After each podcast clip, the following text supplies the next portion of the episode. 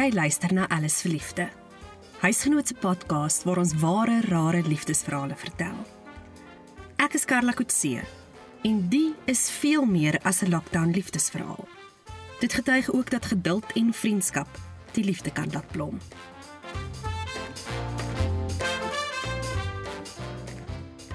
Anja is 43 jaar oud. Sy het op plaas groot geword in die Hemel en Aarde Vallei net buite Hermanus. En sedert sy kan onthou, wou sy 'n ma en eggenoot wees.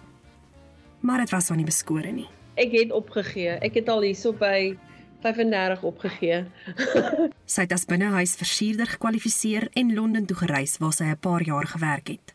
Toe besluit sy om 'n sendeling te word en sedert 2009 reis sy die wêreld plat om God se woord te versprei. Jessie, ek het gebedsreise al gedoen van Rusland af Israel toe oor oor amper 11 lande. Ek was um, ek was al in oor die 62 lande gewees. Op 26 Januarie 2012 het sy en drie vriendinne, wie ook sendelinge is, vir 7 dae in Kansas City in Amerika vir hulle toekomstige huwelike gebid.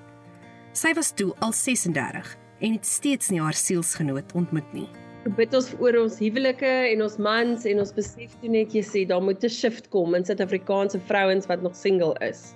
Want daar's so baie. Sy die datum, 26 Januarie 2012, oral op haar wêreldkaart neergeskryf.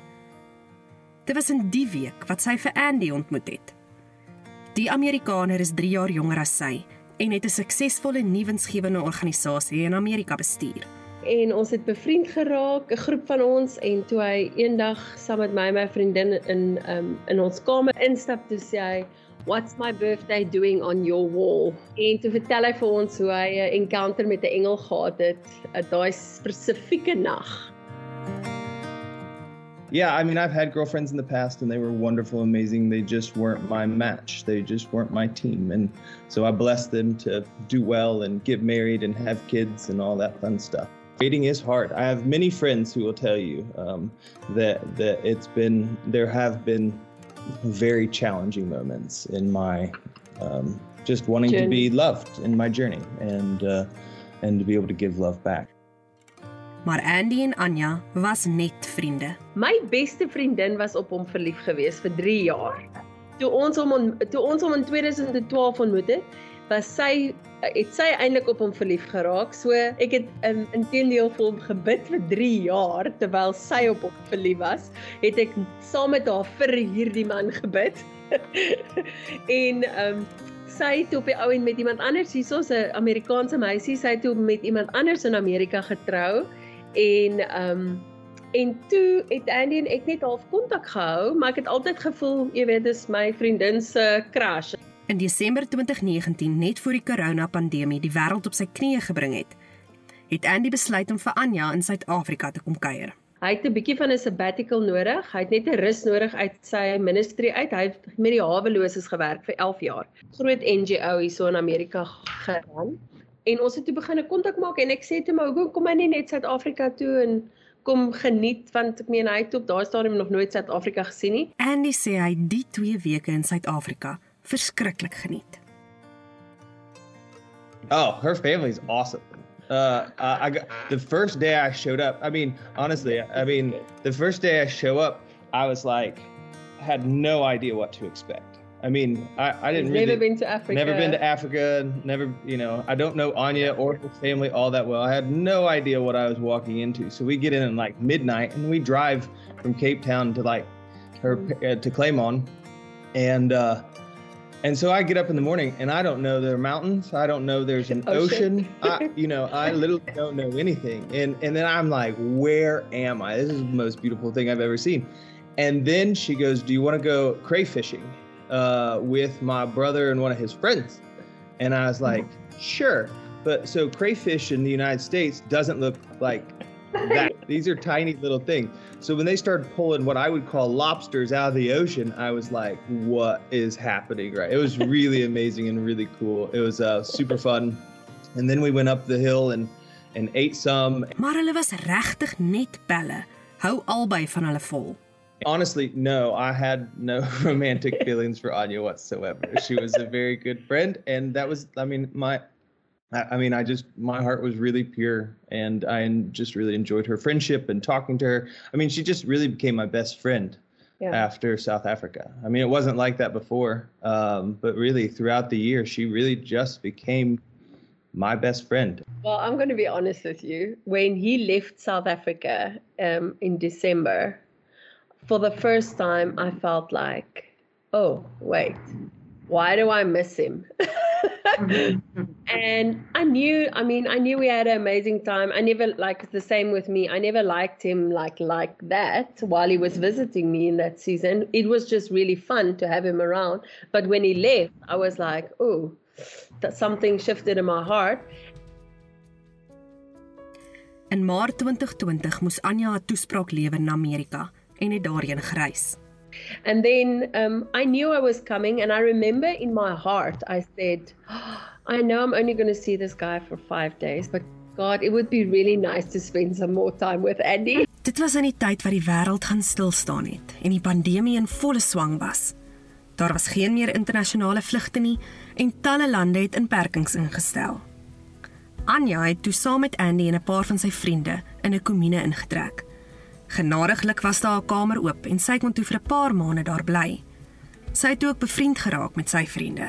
And so all of my friends, I, I, don't know, I was a little frustrated in the beginning because she would say something to him that I'd been saying for years and they'd think she was the genius, you know, telling you this stuff forever. And it just makes sense when somebody with a South African accent says it, I guess. Teen die einde van September 2020 was Andy egter in 'n interne stryd gewikkel. Nie oor Anja nie, maar oor die nuwensgewende organisasie wat hy jare terug begin het. Hy vertel hy het gevoel of hy in die pad is en alles eintlik sonder sy insette kan aangaan. Hy doen toe op 'n dag 'n beroep op sy vriende om saam met hom te kom bid daaroor. Maar net Anja het opgedaag. Na hulle gebid het, het Anja vir hom gesê, "Die deur staan oop. Hy kan enige tyd die organisasie verlaat." Maar toe gebeur 'n merkwaardige ding. 'n ander vriend, ene Cody, loer by die deur in. He walks in the door from another room, has no idea no what idea we're what we just spoke about. And he goes, he just walks in the room and says, "Whoa, Andy, whatever it is, just get out of the way. Just get out of the way." And yeah, and then he walks out of the room, shuts the doors behind him, comes back in and says, "Oh, and by the way, when you do, you're going to meet your wife." and then he walks back out. And here and I was sitting there thinking, "Wow, God, thank you, God." Andy besluit toe om 'n toer deur Amerika aan te pak en nooi vir Anja saam. Felt a lot of peace about inviting her. I didn't feel like that like I didn't He had no interest. I, I, had no interest. I think in fact I must add this Andy did at that time. I think he just mentioned it because you know when you do go like two people in a vehicle, now we're going to travel yeah. together, people's immediate thoughts are like, oh, what are, you know, what are they? And I remember him saying to me, Anya, let's just, let us let's just understand each other clear here. We are just friends, right?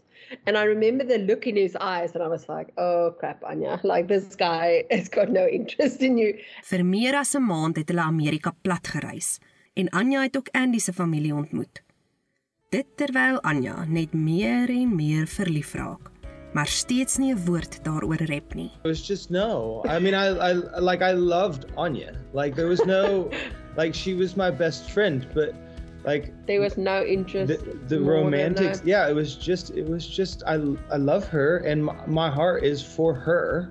Uh yeah, he keeps heart, on saying um you're going to meet your husband on the like, trip yeah. and he, he even said like I feel like I'm going to maybe meet my wife on the trip.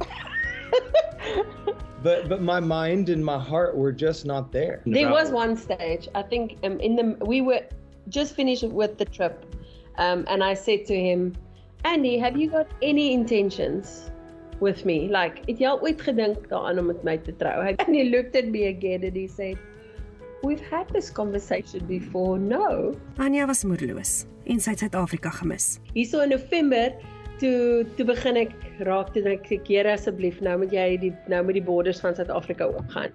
Ek moet huis toe gaan en as hierdie man my man is dan moet hy vlieg Suid-Afrika toe of vir my sê hy wil met my trou. En op daai stadium het ek ek dink ek het moeg geraak. Ek was so half ek het in geloof gestaan en ons het 'n wonderlike tyd gehad en ons het getravel en alles maar ek het toe begin besef okay, ek eh, ek wil nou huis toe gaan. Etlike dae voor Anja sou huis toe vlieg, toe gebeur nog 'n merkwaardige ding. Uh, hy het so op en af en op en af heeltyd hier in die huis en die volgende oomblik toe sê hy, oh, um I love you and I want to marry you. It just came out of your mouth.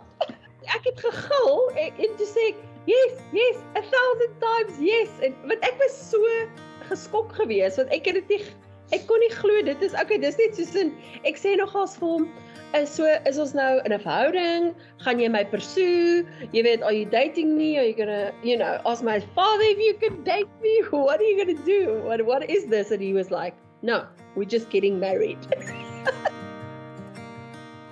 Andy vertel hy 2 dae voor dit 'n gesprek met die Here gehad. And it wasn't like God saying you need to go marry Anya.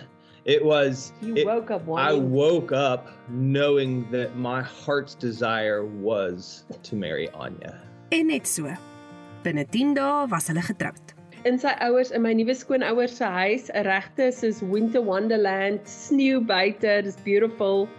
Um heeltemal anders as wat ek ooit beplan het op my Pinterest boards. Dis niks niks niks soos wat ek gedink het nie en um maar dit was perfek. Dit was net soos dit vir my gevoel soos 'n perfekte Hallmark movie in Amerika.